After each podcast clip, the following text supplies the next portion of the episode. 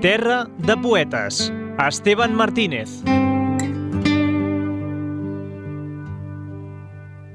Avui us duem uh, un poeta sirià, pot ser el més conegut de les darreres dècades, que es diu Nizar Kabani, que va tenir una vida força desgraciada, però que tot i així la seva poesia presenta un cert optimisme i és bàsicament poesia molt lligada al tema de l'amor.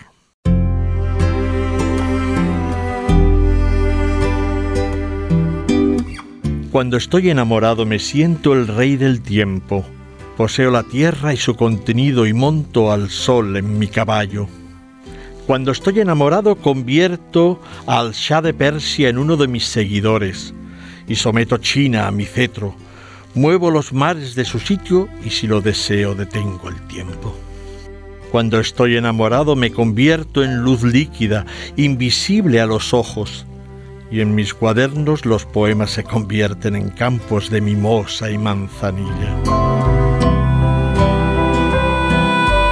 La traducció dels textos és de Maria Luisa Prieto i va aparèixer dintre d'una antologia que es deia El libro del amor a l'editorial Hyperion.